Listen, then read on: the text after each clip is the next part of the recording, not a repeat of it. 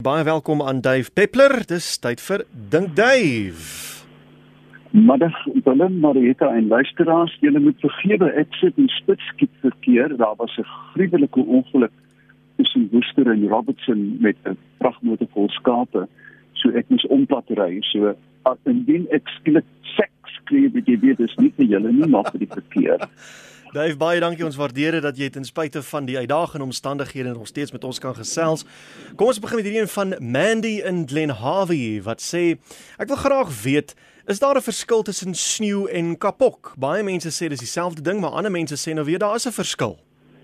Nee, eintlik uh, ek het al van tevore ek dink op hoe verklaar jy dit hier oor gepraat?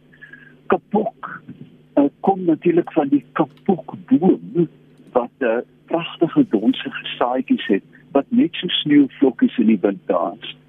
En ehm um, ek dink dit is eintlik my een van die pragtige ou volksuitdrukkings dit gaan kapok vanaand. Mm. So dis presies dieselfde ding. Ek vermoed dat as jy mense fyn onderskeid wil maak, sal kapok dan die meer ligte sneeu wees wat wat half in die lug dartel in vergelyking met swaar sneeu wat neersak. Willem van Brakpan vra: As 'n spinnekop jou byt, lê hy sy eiers daar waar hy gebyt het? Nee, nee. Dank die hemel nie.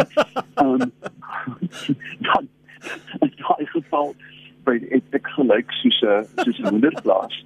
Ehm um, hoe dit ook al sê, nee. Uh, ek dink nie daar is ek ek praat onder korreksie, maar ek weet nie van van enige uh, spinnekoppe wat dit wel doen nie daar miskien is die die verband hier dat baie uh, spinnekoppe word deur spinnekop wespe gevang wat dan 'n eier op die spinnekop lê maar dit werk nie andersom. Samuel Walters daar van die Gouda omgewing hy vra Hoekom val valke nie slange op die grond aan met 'n ligaanval nie? Of dalk doen hulle dit maar hy het dit nog nie gesien nie.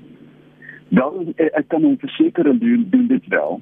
Uh, een van die van die uh eintlik 'n arend nie 'n valk nie, die dwergarend, bekend as die booted eagle, um sal 'n slang letterlik met 'n met 'n met 'n vlugval aanval. Ek ek onthou in die Aanduisberg het ek eendag gestap besig om 'n voëlhuis op te stel. En ek het gedink iemand het 'n baksteen na my gegooi. Dit was 'n harde slag en 'n stofwolk en uit die wolke die dwergarend met 'n sweetslang uh, opgeskuif. So dit wel gebeur wel, maar uh meeste slange word natuurlik op die grond aangeval deur sekretaris skools en die slang skiet tog die slangarende. Uh maar die onderste die die uitsondering is wel die dwergarend wat gewoonlik met akkedisse doen, maar ook met klein slange. Hierheen kom van Hans in Pretoria. Al die baie teerstrate, die hoë betongeboue, die glasgeboue, wat is die, hulle uitwerking op aardverwarming en wat dra dit by tot besoedeling? Weet jy, dis 'n dis 'n baie interessante vraag en mense dink dit is onbenullig, maar daar is 'n sterk internasionale beweging wat nou vra dat alle wolkekrabbers tot op 50, 60 verdiepings in die toekoms van hout gebou word. Die tegnologie bestaan nou juis omdat beton vir die leeftyd van die gebou CO2 vrystel. Maar selfs al is dit um gevestigde beton genade en dan wat ek het nou byna iets gesê. Um so ja, uh, die toekoms vra dat ons uh, met met alternatiewe materiaal moet bou, betaal aluminium of met hout juis omdat beton reg oor die aarde en dit raak nou um beduidend die die die volume van van beton in die in die biosfeer, dis die atmosfeer, stratosfeer, mm. biosfeer, die biosfeer dat dit dat dit um, ontsaglike hoeveelhede aardgasse, aardverwarmende gasse vrystel. So die antwoord teer um dink ek nie is beduidend in die sin nie. Ons weet wel dat teer baie uh baie goeie absorbeerders is van van infrarooi.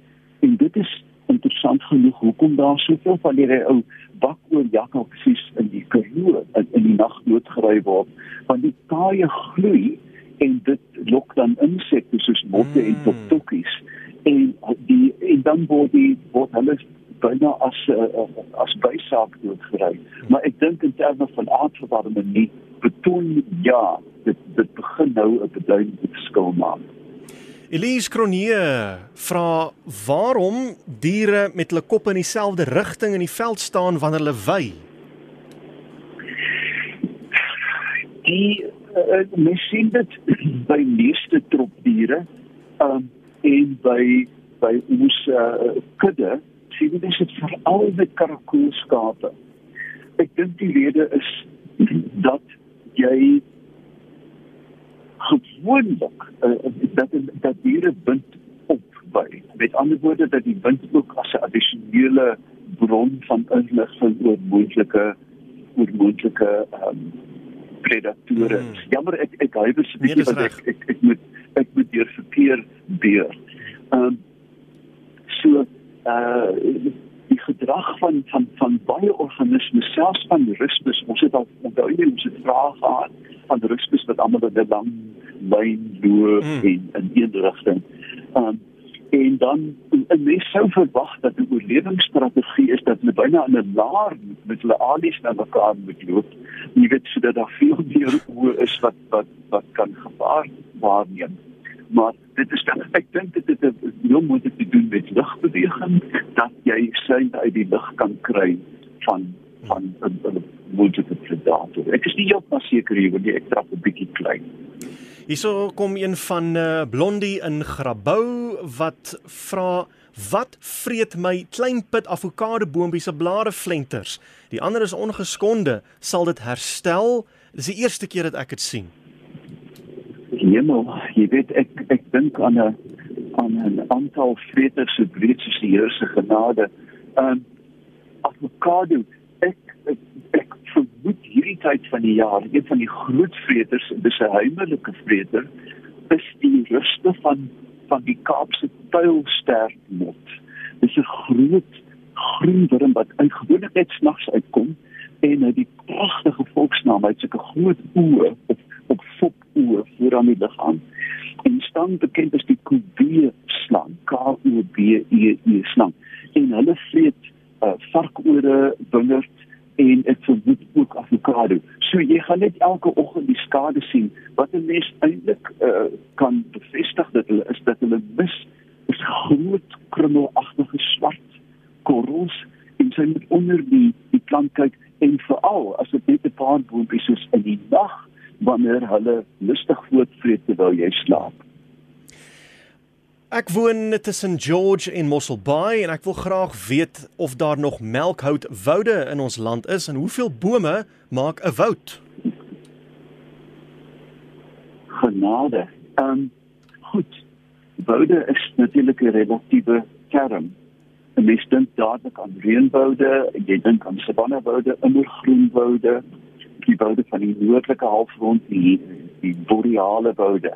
Maar as jy mens kyk na Suid-Afrika en gaan ook in Melkout kom, dan sien jy mens uh die oorblyfsels van bergwoude. Nou die grootste daarvan is natuurlik die Nuisnawoud, Grootvadersbos, Olifantsbos en dan verder noord die, die Drakensberge is hierdie lappies uh lieflike immergroen woude.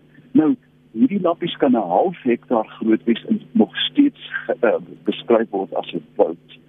Um, ek dink tegnies kan 'n mens dink aan rivieroeverwoude veral teen die Bafuri byvoorbeeld in die noorde van die Kreeubultuin, alhoewel dit skaars 100 of 150 meter diep is, geld word steeds so woud beskryf. Hmm. So 'n woud dan as ek nou 'n uh, verkeers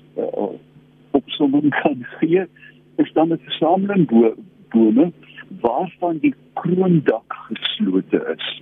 Met ander woorde, indien 'n mens meer as sê net maar 10 of 25 bome het wat in baie mooi gegroepeer is en waarvan die kroondak dan geslote is, sal dit geld as 'n klein woord. Ek het klein slakkies wat soms tot by my venster kom wat 7 meter hoog is. Hoekom so hoog opklim na nêrens? Wil Pieter Immelman van Belwel weet. Nog getroffen is die antwoord heel moontlik. Die slak um, met daai klein steltoogies het geen manier om uh, sy oogie uit te druk en sê ek moet nou 5 meter noordwes of op of af nie. So dit is eintlik 'n voedingsstrategie wat wat hulle gebruik uh, baie keer om van van van erg reëntoestande as dit regtig swaar reën vind dit net dat slakke muur op beweeg. So ja, ek uh, 7 meter is nogals baie hoog en daar is ook natuurlik afhangende van die seisoen slakke wat oorwinter of oor somer as dit te warm word. Hmm. So dit kan 'n suite van van ehm um, prikkels wees wat hulle so hoog laat opseil. Ek dink ons het tyd vir nog so een vraag. Sal 'n slang vrek as hy 'n muis vreet wat gif gevreet het? 'n Ou vraag sou 'n uil vrek uh, met 'n bedremmelde rot uh, wat gif gevreet het. Gewoonlik is die vlakke van van gif in 'n enkel dier soos 'n muis of 'n paddavis um, is nie genoegsaam om die predator um, uh, te affekteer nie. Sou dit sou wees dat hy 4 of 5 vreet wat saam by 'n voedings by 'n gifvoedingsstasie kom, kan dit wel 'n probleem word, maar een dink ek nie. Ek sal dit tog uitklaar met professor Gerard Verdoren, een van die voorste gifkenners en en natuurkenners in Suid-Afrika en miskien met die volgende program terugvoer gee. Dave, baie dankie. Ons gaan jou daar laat sodat jy verder hierdie verkeer kan vroeg en veilig ry verder en kom veilig by die huis. Ek staan voor my hekkie en is veilig by die huis. by die huis gekom. Goed dan. Goed mooi bly. Totsiens en jy kan hom volg op Facebook uh, gaan soek net vir Dave Peppler daar op Facebook en weer ons ons vra om verskoning vir die klankkwaliteit. Hy sou by die huis gewees het betyds maar toe kry nou daardie verkeersopeenhoping en hy moes nou so in die verkeer met ons gesels. Maar baie dankie weer eens aan Dave Peppler.